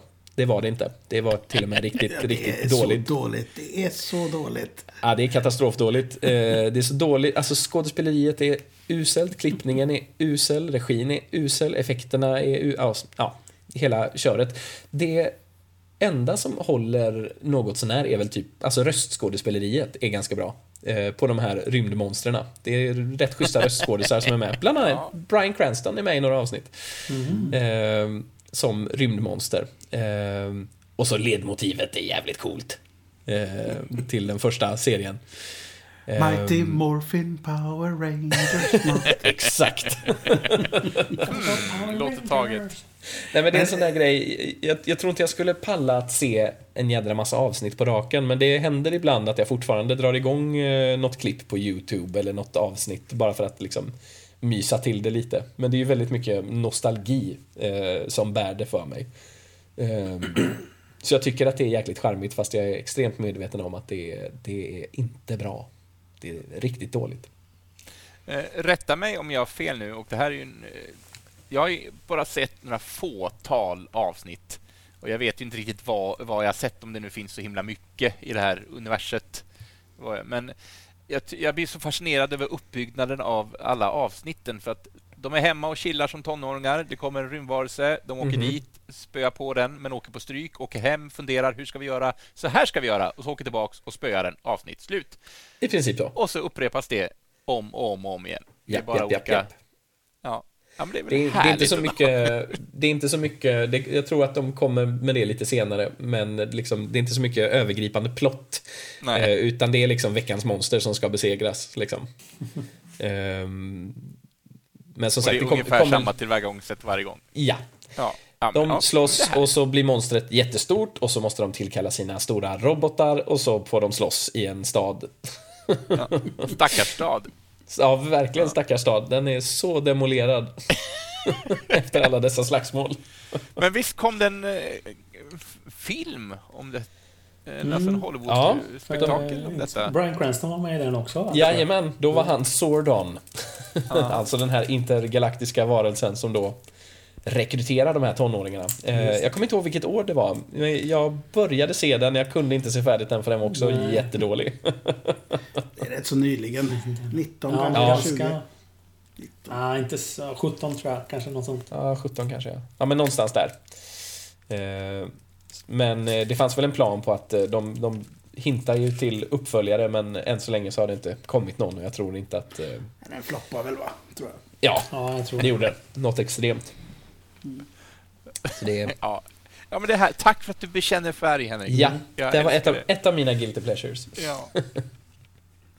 jag, jag, tänkte, alltså jag, jag har inga stora sådär franchises som jag har, men jag, jag satt och tänkte lite grann. Jag har, jag har inte så mycket musik som jag skäms för. För all, all musik jag... men eh, jag känner att jag kanske inte är riktigt rätt målgrupp.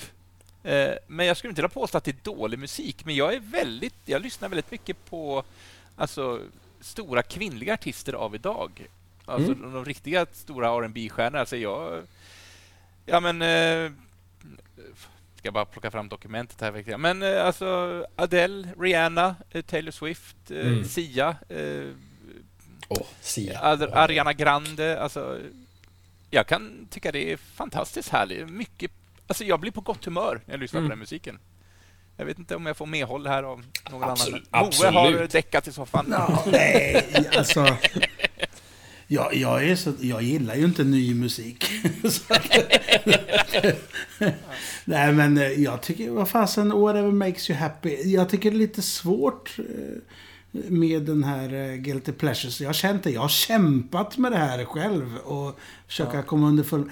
För att på något sätt så kommer man väl till den insikten att, ja men, gilla vad du gillar. Det är väl inget Ja, verkligen. Sen så Såklart, kan man väl tycka att saker och ting eh, kan vara bra eller dåligt. Men det är ju en objektiv grej. Men vad man gillar är ju så subjektivt. Och det, det är Ja. ingen som kan ta ifrån dig om du gillar Aqua. Men, Nej, nej. nej. Och det fast det så gör jag ju inte heller, du. Men, Nej. Nej, men det var lite därför jag ville definiera det i början med. För jag känner också lite så. Det, jag kunde inte komma på någonting som jag skäms för. att jag tycker är bra. Men jag kunde komma på en del saker som är så här. Ja, det här... Det här tycker inte så många andra är bra.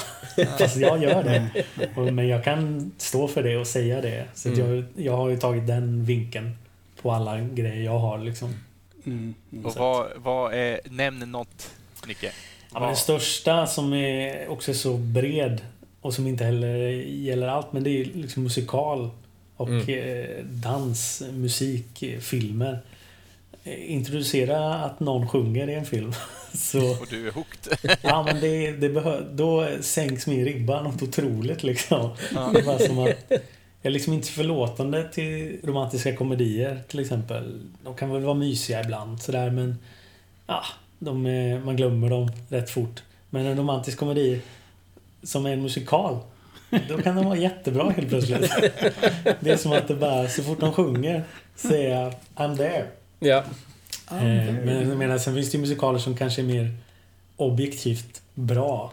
Eh, West Side Story, Singin' in the Rain, Trollkarlen från Oz. Som är erkända jättebra filmer på något sätt. Men jag menar, jag tycker att eh, Step Up med Channing Tatum, dansfilm, jag tycker jag är superhärlig. Eh, The Prom som kom på Netflix i eh, 2020 tror jag. Eh, Så här, glittrig, glammig popmusikal som är jättetramsig. Men gud vad glad jag blev av den. Jag tycker det är superhärligt. ja, det är så Eh, gött. Så att, helt- eh, ja, helt men med dig. musikal, det, det, det är väl en sån där jag kan förstå liksom att det här fattar jag att inte alla tycker det är bra. Men jag älskar det. Ja. Gött! Ja. Fantastiskt. Men Moe, när du rannsakade dig själv, kom du fram till någonting som du kunde säga att ja, men, det här är en guilty pleasure?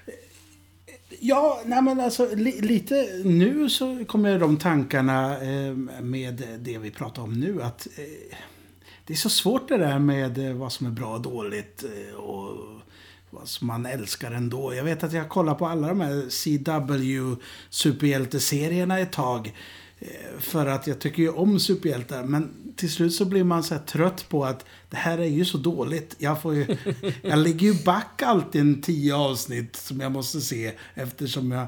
Ja, eftersom man skjuter fram det eftersom det inte är bra. Och då kanske man inte ska se på det längre. Fast, ja.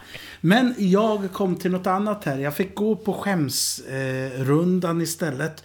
Och, och då får jag väl fick jag tänka så här, ja men när folk har kommit hem hit och tittat sig runt och så, så påpekar de alltid mina smurfar. Och då, då, då får ju jag säga, ja, det är väl, ja men det är ju för att jag, jo, nej men, eh, ja.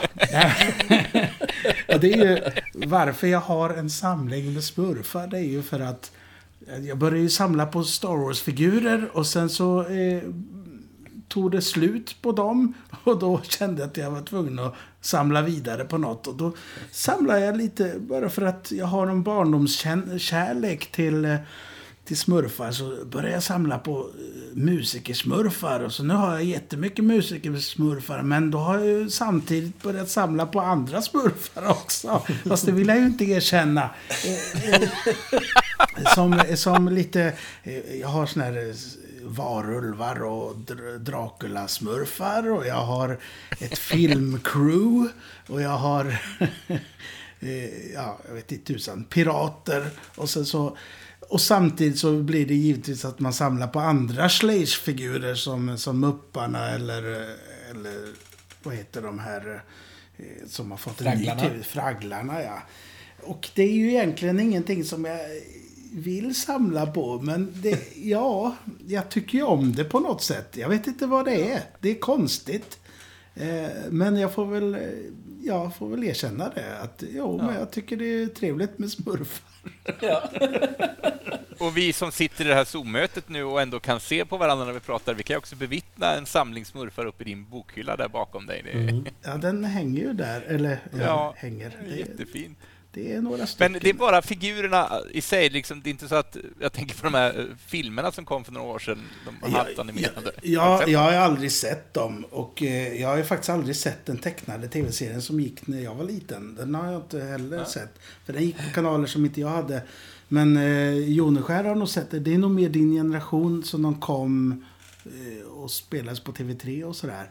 Eh, men däremot så har jag ju läst eh, Alltså eh, Johan och Pellevin och, Smurfarna som seriealbum. Det läste jag när jag var liten.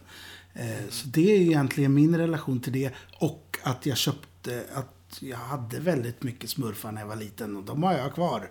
i befintligt skick. Eh, Massa smurfhus och grejer sådär. Så, att- så att de har alltid funnits med mig. Men jag har ingen som helst relation till, till filmerna och ingen så här, det ska jag se. Utan det. Det är inte, det, that's not my smurfs. Utan, Nej. För dig är det de här PVC-figurerna liksom. Ja, det är bara de det- som gäller. Ja. Ja. och det finns ju... Det är också det att eh, i och med att man har snöat in så här i vuxen ålder så har man ju koll på... Ja, men det är Slash och det, och det här är eh, Jax och de vill jag inte ha för de, de har en helt annan anatomi som inte alls... Nej, men det är inte okej. Och sen så... Ja, men... Jag samlar ju inte på kudd, alltså där, nallar och skit. Utan, nej men det, det är bara de här små, vad kan de vara, fem centimeter långa eh, gummismurfarna liksom. Det, Precis. Ja. Ja, jag, jag, är, jag är väldigt... Jag skulle vilja ha din samling, kan jag erkänna. Jag gillar också... Jag samlar ju på så här Kinderägg-figurer ett tag. Otroligt onödigt, Men, men det är en enorm samlarrörelse om man kollar på Tradera och sånt. Eh, just Kinderfigurer. Du, du kan, Jaha. om du har eh, kompletta sådana kan du få mycket gosing för. Ja, ingenting av det finns kvar. Jag, jag bara röjde, röjde den ur bokhyllan en dag och slängde skiten. Ja. Ja. Jag kanske slängde bort några tusen lappar där då. Om jag hade Ja, jag vet inte. Men som smurfarna är ju inte värda särskilt mycket liksom. Nej. De kostar en, kanske en 40 kronor styck. Och det är ju lite... Det, Men det är trevligt. ja. Men det är något härligt när man också kommer till den här insikten att, att eh, nej men fan. Just för, för vissa grejer, eh, framförallt när det kanske kommer till så här prylar man samlar på och sånt där. Och att man vill gärna ha det framme och, och sådär. Men, men att man lite går i försvar när man då eh, har folk hemma på besök. Liksom. Att så här, ja, alltså... Nej, men, när, men när man kommer Jag till den... vaktar dem åt en syster. Ja, precis. precis. Nej, men när man kommer till den där punkten att man faktiskt bara, nej, men jag tycker det här är kul. Och liksom Ja. står för det. Det är något härligt. Men ofta när folk ser, eh, det här är ju inte hela min samling som jag har bakom mig här, utan den stora samlingen är ju i replokalen liksom. Men, men det är ändå, reaktionen är alltid, åh vad kul med smurfar! Ja. och så ändå går man i försvar. Så, ja, ja, nej, men jag, jag råkar ha dem här nu. Det, det, nu, nu blev det så. Det, ja. Ja. ja, det är konstigt. Ja, ja, det är fantastiskt. Ska- Underbart. Man ska und undvika skammen, tycker Ja, bort med jag. den. Så, så mycket som man bara kan. Det är härligt när man kan stå, stå för sina intressen och det man tycker är skoj. Men, men eh, det var ju vi fyra här, eller vi kanske har fler Guilty Pleasures. Eh, Jag har ju några filmer. Jag tänkte bara nämna dem lite kort. Jag behöver inte Mm. gå in på djupet. Eh, Men den som är överst på min lista är en film från 1998 med, apropå musikaler, eh, Nicke, Treat Williams eh, har huvudrollen i den här, Mhm. som är med i Hair, den filmade versionen av Hair. just det. Eh, regisserad av Steven Sommers. Eh, den har eh, tag-titeln Full Scream Ahead. Eh, den heter Deep Rising och är en sån där mo- vattenmonsterrulle med då Treat Det Williams. låter fantastiskt faktiskt. Famke, Famke Jensen, eller hur hon nu uttalar sig, och Anthony Heald och några stycken. Det handlar om ett stort bläckfiskmonster som tar sig ombord på en lyxkryssare och äter folk till höger och vänster. Det är underbart. I love it! Jag har sett den gött. säkert en 40-50 gånger.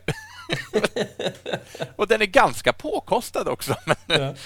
eh, men den är ingen bra film. Men det är någonting i den som jag... Och det är mycket alltså, body horror. Det är lemlästade kroppar till höger och vänster och halvsmälta huvuden och ja, det ena med det tredje. Det är, Det är som Zombievers kanske. eh, Det är, Ja, men kanske. Och så tänker jag på en annan film som kom på 80-talet, jag har inte exakt årtal nu. Det handlar om en, en komet som slår ner i, eh, i en amerikansk småstad och det visar sig att den här kometen egentligen är ett cirkustält Ja, innehållande Killer mördar... Clowns! Killer Clowns from outer space! Underbar. Med, med popcornpistoler och ballonghundar och, och, och giftiga pajer och det, ja. Och storyn är exakt The Blob om man har sett Ja. den. Det, det, det är som om de tagit hela, hela manuset från The Blob fast bytt ut dem mot de här clownerna. Ja. Ja. Eh, ja, men det är också en sån här film som jag har sett otroligt många gånger och jag tröttnar inte. Jag tycker den är fantastisk. i, i allt vad det Men representerar. du, var du med då Jens för, för många, många år sedan på ALV eh, så, så samlade vi ett gäng att vi skulle se film någon gång i veckan. Och sen så, så, så vet jag att jag drog igång Killer Clowns och det var inte en jävel tyckte att det var kul. Vi, vi var två, eller om det var du och jag som kanske drog igång den. Ja, om det kanske. var, ja. Ja, det var inte populärt. Det är du och jag mot världen, Moa. Ja, men det kändes verkligen så. För det var, Ja. Men förstår Men Hen- ni inte att det här är ju fantastiskt roligt? Nej. Men Henrik och Nicke, har ni sett den? Killer Nej, jag har Clowns? Nej, jag har inte blivit har hört så. talas om den. Men... Då, ska jag erbjuda er en chans att se den. Jag har den på en DVD special någonstans. Ja. Underbart. Underbart. Eh, Men så säga, jag skulle inte nämna kort, men jag, eller inte nämna långt, bara, men jag vill också säga att den här Jönssonligan-filmen som var en reboot som kom för några år sedan, Ja, den tycker det. jag också är väldigt bra. Ja, men jag gillar den. Eh, Även ja, kanske inte, Den allra senaste, eller den som kom för några år sedan? nej, med Simon Berger och ja. Som blev totalsågad för att det inte var Jönssonligan. Men jag gillar den för att de, förs- den försökte vara någonting annat. Mm. Jag tyckte om, jag tyckte om den för, det, för vad den var. Ja, Jag gillar nog den mer än den allra nyaste. Ja, Liksom. ja det, det, kan jag också faktiskt hålla med om. Eh, och även när vi pratar franchises och remakes, alltså jag gillade också Ghostbusters, eh, den som kom med, med all uh, female cast. Jag tyckte den var, Mm. jag tyckte den var underhållande. Även Mm. om mitt hjärta klappar extra för originalfilmerna såklart. Oh, Men- du, eh, på Ja. tal om det och bara göra en koppling till förra ämnet. I den här eh, Princess Bride Home-video, då är ju hon med. Då tänkte jag på dig. Hon, det. eh, vad hette hon som var McKenna med? Grace. McKenna Grace. Som spelade eh, i nya Ghostbusters. Hon var med där Ja. och var, var eh, the little boy. Ja, i med J.K. Simmons som morfar. J.K. Ja, ja, jag måste ju se, jag måste ju se det här. Ja, det, ja, men det, det måste är ni. Den är underbar. Eh, och jag ska bara nämna en liten sak till och det är ju någonting som hintar lite mot nästa program. Men en film som jag faktiskt uppskattar och den som jag sett flest gånger i den här film... Eh, quadroplogin, heter det så? När det är fyra filmer? Quadro, ja. Det är Stålmannen 3. Ja, ja, ja, ja, ja. Där tappar alla hakan. Med, med, vad heter han? eh, ja. Jag har sett den flest gånger och jag, jag tycker inte att det är den bästa filmen, men jag, jag gillar den också för... Ja, men jag, jag, jag har roligt när jag ser den. Ja. Speciellt när han slåss mot sig själv där på skrotupplagret. Det är en favoritscen. Liksom. ja, visst. Visst. Skäggstubb. Ja, Ja, ja, men den är fin. Den är fin. Ja. Jag, äl- jag, älskar ju, jag älskar ju de här Stålmannen-filmerna från 70 80-talet. Eh, Den har ju en That's my otrolig, en otrolig titel också. Det får man ju ja. Stålmannen går på en kryptonit. Eh, Kul. Love it. Ja, men nu står det stilla. Vad heter han, skådisen? Eh, Vem som är... Vem? Stålmannen? Christopher Reeve? Nej, komikern. Nej, Richard Pryor. Eh, Tack ska du ha. Det, Ja. Nu, vet du, höll jag på att bli irriterad på mig själv också. Skämsigt. Och det, det är också en sån där favoritscen när han, är, han, försöker, han super ner, han ska in på något ställe och trycka in något nyckelkort för att få tillgång till någon dator och så måste han supa ner han som vaktar hela det här stället. Det är också en sån här Ja, jag gillar favoritscen. Richard Pryor är full och går omkring och pratar med sig själv. Ja. Det är väldigt underhållande. Ja, ja. ja, det är gött. Ja, något gott. Ja. Eh, har vi något fler eller har vi några tittarkommentarer eller lyssnarkommentarer? Det har vi va? Ja, det har vi absolut. Eh, om vi känner oss nöjda med våra egna.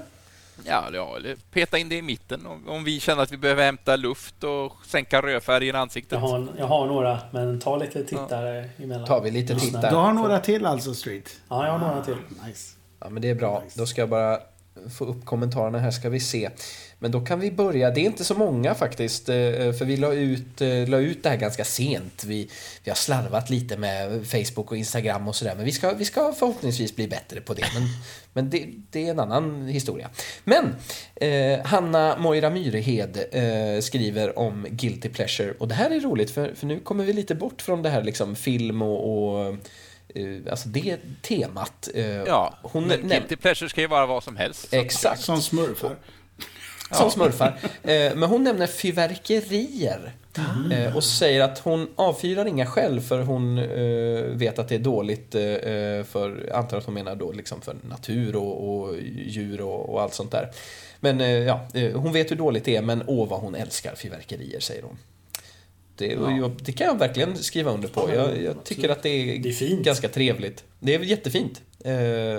När det inte är för mycket. Jag kan tycka att det är ibland lite läskigt när det är Ja, men när någon, börjar smälla, när någon börjar smälla fyra dagar innan nyårsafton och man, någon liten häxvissla så här, en gång i timmen. Då, men de här välkomponerade alltså uppvisningsfyrverkerishowerna kan ju vara otroligt häftiga. Ja, det är snyggt. Det är snyggt. Men sen tycker Rent jag nog visuellt. fortfarande inte att, det, att man ska göra det. Tycker jag nog inte. Nej, men, det, det- men, men det det- är fint.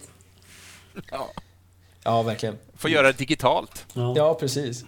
Det finns ett brädspel om fyrverkerier förresten. Ja. Sen har vi en kommentar från Johannes Tengvall. Eh, här lyfter han en film som vi har pratat om i ett, eh, ett tidigare avbockat avsnitt. Eh, första Highlander-filmen. How dare he? How dare he? Den kommer alltid vara en, eh, ett guilty pleasure för, för mig, Det var det säger han. värsta jag har hört alltså. Det, nej, det är ju världens bästa film. Jag, har ju, jag har ju, la ju fram tio anledningar till varför den var bra. Men jag såg just den det. ju ganska brutalt i min krönika vill jag minnas. Ja, det gjorde du. Det får ni lyssna på i det avsnittet. Ja, Ja. Om ni inte har gjort det. Eh, Johannes nämner också eh, i viss mån även första Mortal Kombat-filmen som ett guilty pleasure. eh, Kanske. och också filmen Starship Troopers. Ja, Eh, den. Ja, men det, där kan jag hålla med. Den Det kan kan vara ett guilty pleasure för mig. Ja. Fast det, Den är den är ju fantastisk. Jag, nej, men det, först, nej, det förstår jag faktiskt inte. Ja, Riktigt. jag, väldigt länge sedan jag såg den, men jag kan tänka mig att, att den kanske ändå kan falla in där. Att Den är jag skitbra. Ja, ja, och jag Den gillar är den. ju men- jätterolig. Eh, Det är ju riktigt bra satir. Eh, ja, om man ser det som en satirisk film så är den ju faktiskt en, en höjdpunkt. det är ser ju man det. den som Det är en, en satirisk film. Ja, det hoppas jag att, att det ska vara. Det, vad heter han? Wolfgang Peter? Nej, vad heter han som är... Nej, det är ju... Vad heter han? Ja, det är, ja. det är ju, Ja, ja. Det är ju Robotcop. Robot, Verhoeven. Verhoeven. Verhoeven Ja. Paul Verhoeven. Han gör ju bara satirer, så det skulle vara konstigt om det inte var en satir helt plötsligt. Men Robocop är bättre. Vad jag blev förbannad här. Ja, ja. Det är väl härligt. Ja, var lite öm tå där. Ja. Eh, vi kan ta en till här så ska vi Ja. släppa in lite, lite mer från eh, Streetnicke tänker jag. Men eh, Niklas Jönsson. Eh, fint att han, att han är med oss och kommenterar och, och håller sig aktiv. Vi, vi som känner honom vet ju vad han kommer nämna. ja. Krull. Eller Krull. Eh, men han säger också att ska, ska jag vara ärlig så skäms jag inte för att jag gillar Krull. Eh, så, så det får bli Christina Aguileras Candyman istället. ja. Oj. Ja. Det är bra, men som sagt, man ska inte skämmas. Eh, Nej. Tycker inte jag. Eller man behöver inte skämmas i alla fall. Det är härligt att man, att man gillar eh, saker. Ja, visst. Eh, vi har två till sen, men jag tänker att vi släpper in eh, Streetnicke. Att du får eh, fylla på. Ja. Jo, men jag har några till här. Jag har bland annat Mighty Ducks. Filmerna. Yes! Jag har faktiskt inte sett en enda Nej, Ducks-film. Det kommer även en serie nu på Disney Plus som jag också har sett. Men Det- den har fått rätt så bra kritik. Ja, jo, det, det har den fått. Och den var ganska mysig. Eh, Absolut, men eh, eh, filmerna är ju bättre tycker jag. Men Ja, de jag är väl inte sådana, jag vet liksom inte Den, sen hur, den kom, den första där. hur, eh, hur bra de är egentligen. Det vet jag inte. Och skulle, skulle man se dem för första gången nu så tror jag inte man skulle tycka de är så bra. Men jag växte ju verkligen upp med dem. Och tittade på dem och tycker de är superhärliga fortfarande att titta på. Det var ju coolt att de lanserar ju hela, hela eh, Mighty Ducks-laget Ja. med de här filmerna. Det är, Det är ju coolt. lite märkligt. Eh, Anaheim Mighty Ducks. Liksom. Ja. Eh, Ja. Eh, sen har jag eh, Grey's Anatomy. Det är, Ja. det är en sån jag är svag för. Och- Eller ser det i den genren på något sätt. Som är så här... typiska långkörar dramaserier som är... Mm, Alltså det, Cityakuten också. Ja, då. men exakt. Cityakuten älskar det också. Sjukhusserier kanske. Eh, Det är något med det. Det dramatiska Chicago som man får av eh, saker som händer på ett sjukhus tillsammans med alla de här relationerna och så är det folk som dör för att det händer så mycket, otroligt mycket på ett och samma sjukhus. Men eh, ja, jag tycker... Men undrar jag, skulle du säga att House MD var i samma genre? Ja, jag såg det också. Det var bra. Men det är ju väldigt annorlunda karaktär på det. Ändå jämfört med de här ensemble ensemble sjukhusserierna som de är på något sätt. House handlar ju verk- Det är klart det var andra med också men det kretsar ju väldigt mycket om just honom. På något sätt. Om Sherlock Holmes. Ett, på och ett svårt fall om Ja, dagen. exakt. Vad sa du Moe? Det här, eh, Sherlock Holmes på ett sjukhus, det är lite mer... Ja. Ja, lite så. Ja, och sen har jag också eh, eh, Beck. Ja. Eh, som eh, jag ändå... Jag titt, de här nya som Ser kommer du det nu. fortfarande? Ja, ja, jag följer det fortfarande. Och det är inte som att jag tycker det är eh, superbra. Men jag är investerad och jag vill se de nya nu. Eh, för Mm. att... Det är Martin Beck. Jag gillar Martin Beck. Och Johan Falk var samma. Ja, men jag, är, tyckte Johan Falk jag är med på ditt tåg. Jag är, jag är med på ditt tåg, men jag inser, jag kan gilla alltså, svensk kriminal... Alltså Huss, vet de så? Som Ja, kvinnliga. ja. Irene Huss. ja, och, alltså, och även... eh, Wallander.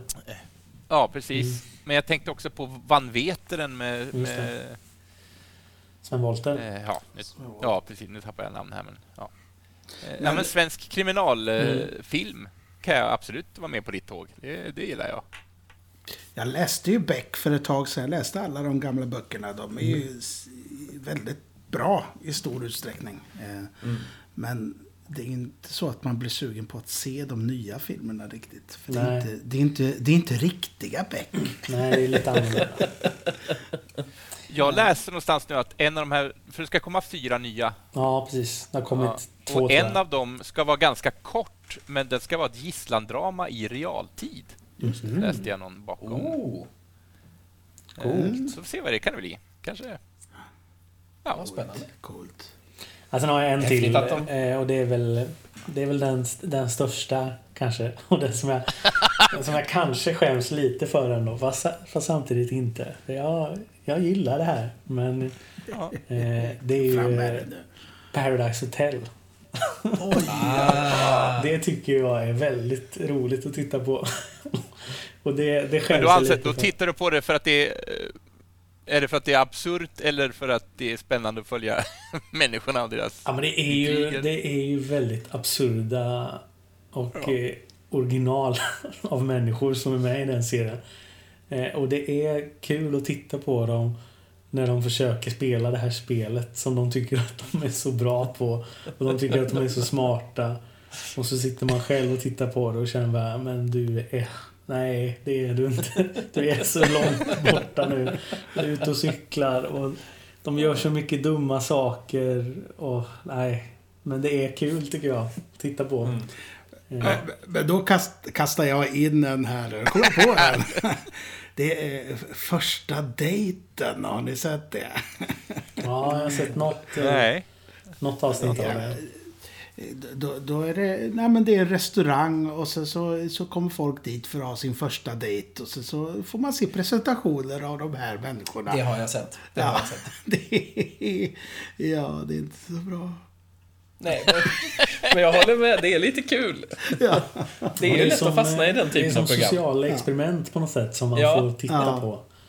Ja, Eh, visst, och det, visst. jag tycker det är spännande. Jag tror att väldigt många tittar på det med andra ögon än vad jag gör Ja. på något sätt. Eh, Men också många som tittar på det precis som jag. Att man bara tycker det är, det är kul att se på människor som gör dumma Mm. saker på TV. Men du, du har ändå skickat in nu eh, Och sökt nästa säsong. ja, visst. Söker varenda säsong. De vill aldrig ha med mig. Men i- i Det kategorin kommer. Det kommer. folk filmar sig själva och gör dumma saker. Där, jag, ska, jag tänker på Jackass. Det är Mm. ingenting jag har sett själv, men jag, jag för, där förstår inte. Det är ingen guilty pleasure för mig, men jag bara kom att tänka på den att det är ing- jag förstår inte varför det, varför det finns överhuvudtaget. Nej, det fattar inte jag. Men ha sån trogen tittarskara, de är ju jättestora liksom. Mm. Eh, är det någon som har en guilty pleasure för Jackass? Nej, Nej, jag vet att jag har sett rätt så många avsnitt. Det är lite småskärmigt. Eh, viss, vissa grejer kan ha varit kul tycker jag. Ja, men Men trycka det- upp smällare i kroppsöppningar och sådana saker. Men jag, tyckte, förstår jag, liksom tyckte inte det, jag tyckte det var roligt. De hade offroad eh, tatuering någon gång när de åkte på åkte i en, i en jeep ute i öknen och så skulle han tatuera ryggen på, på sin kompis. Väldigt roligt. Väldigt roligt. Nu när du berättar det så kan jag inte låta bli att skratta. men jag skulle inte bänka mig i tv-soffan. för att titta på det. Ja, ja. Massa. Hade vi några fler eh, titt- eller lyssnarkommentarer? Jajamän, då har vi från... Eh, Vi hinner med dem också. ja, men tycker absolut, vi, det kan vi inte kalla det för tittarbrev? För att vi säger ju alltid det. Det är lite roligt ändå. Titarbrev, ja. Vi tittar på brevet vi har fått. Här kommer nästa tittarbrev. Det är från Linus Andersen eh, som nämner Jingle All The Way Oj. med Arnold Schwarzenegger. Aha, ja. Är det Men? Linus säger... och- Ja, klappjakten, ja, precis. Ja, just det. Eh, Linus säger också att fast jag skäms aldrig över det jag gillar. Det är bra Linus. det är rätt och riktigt.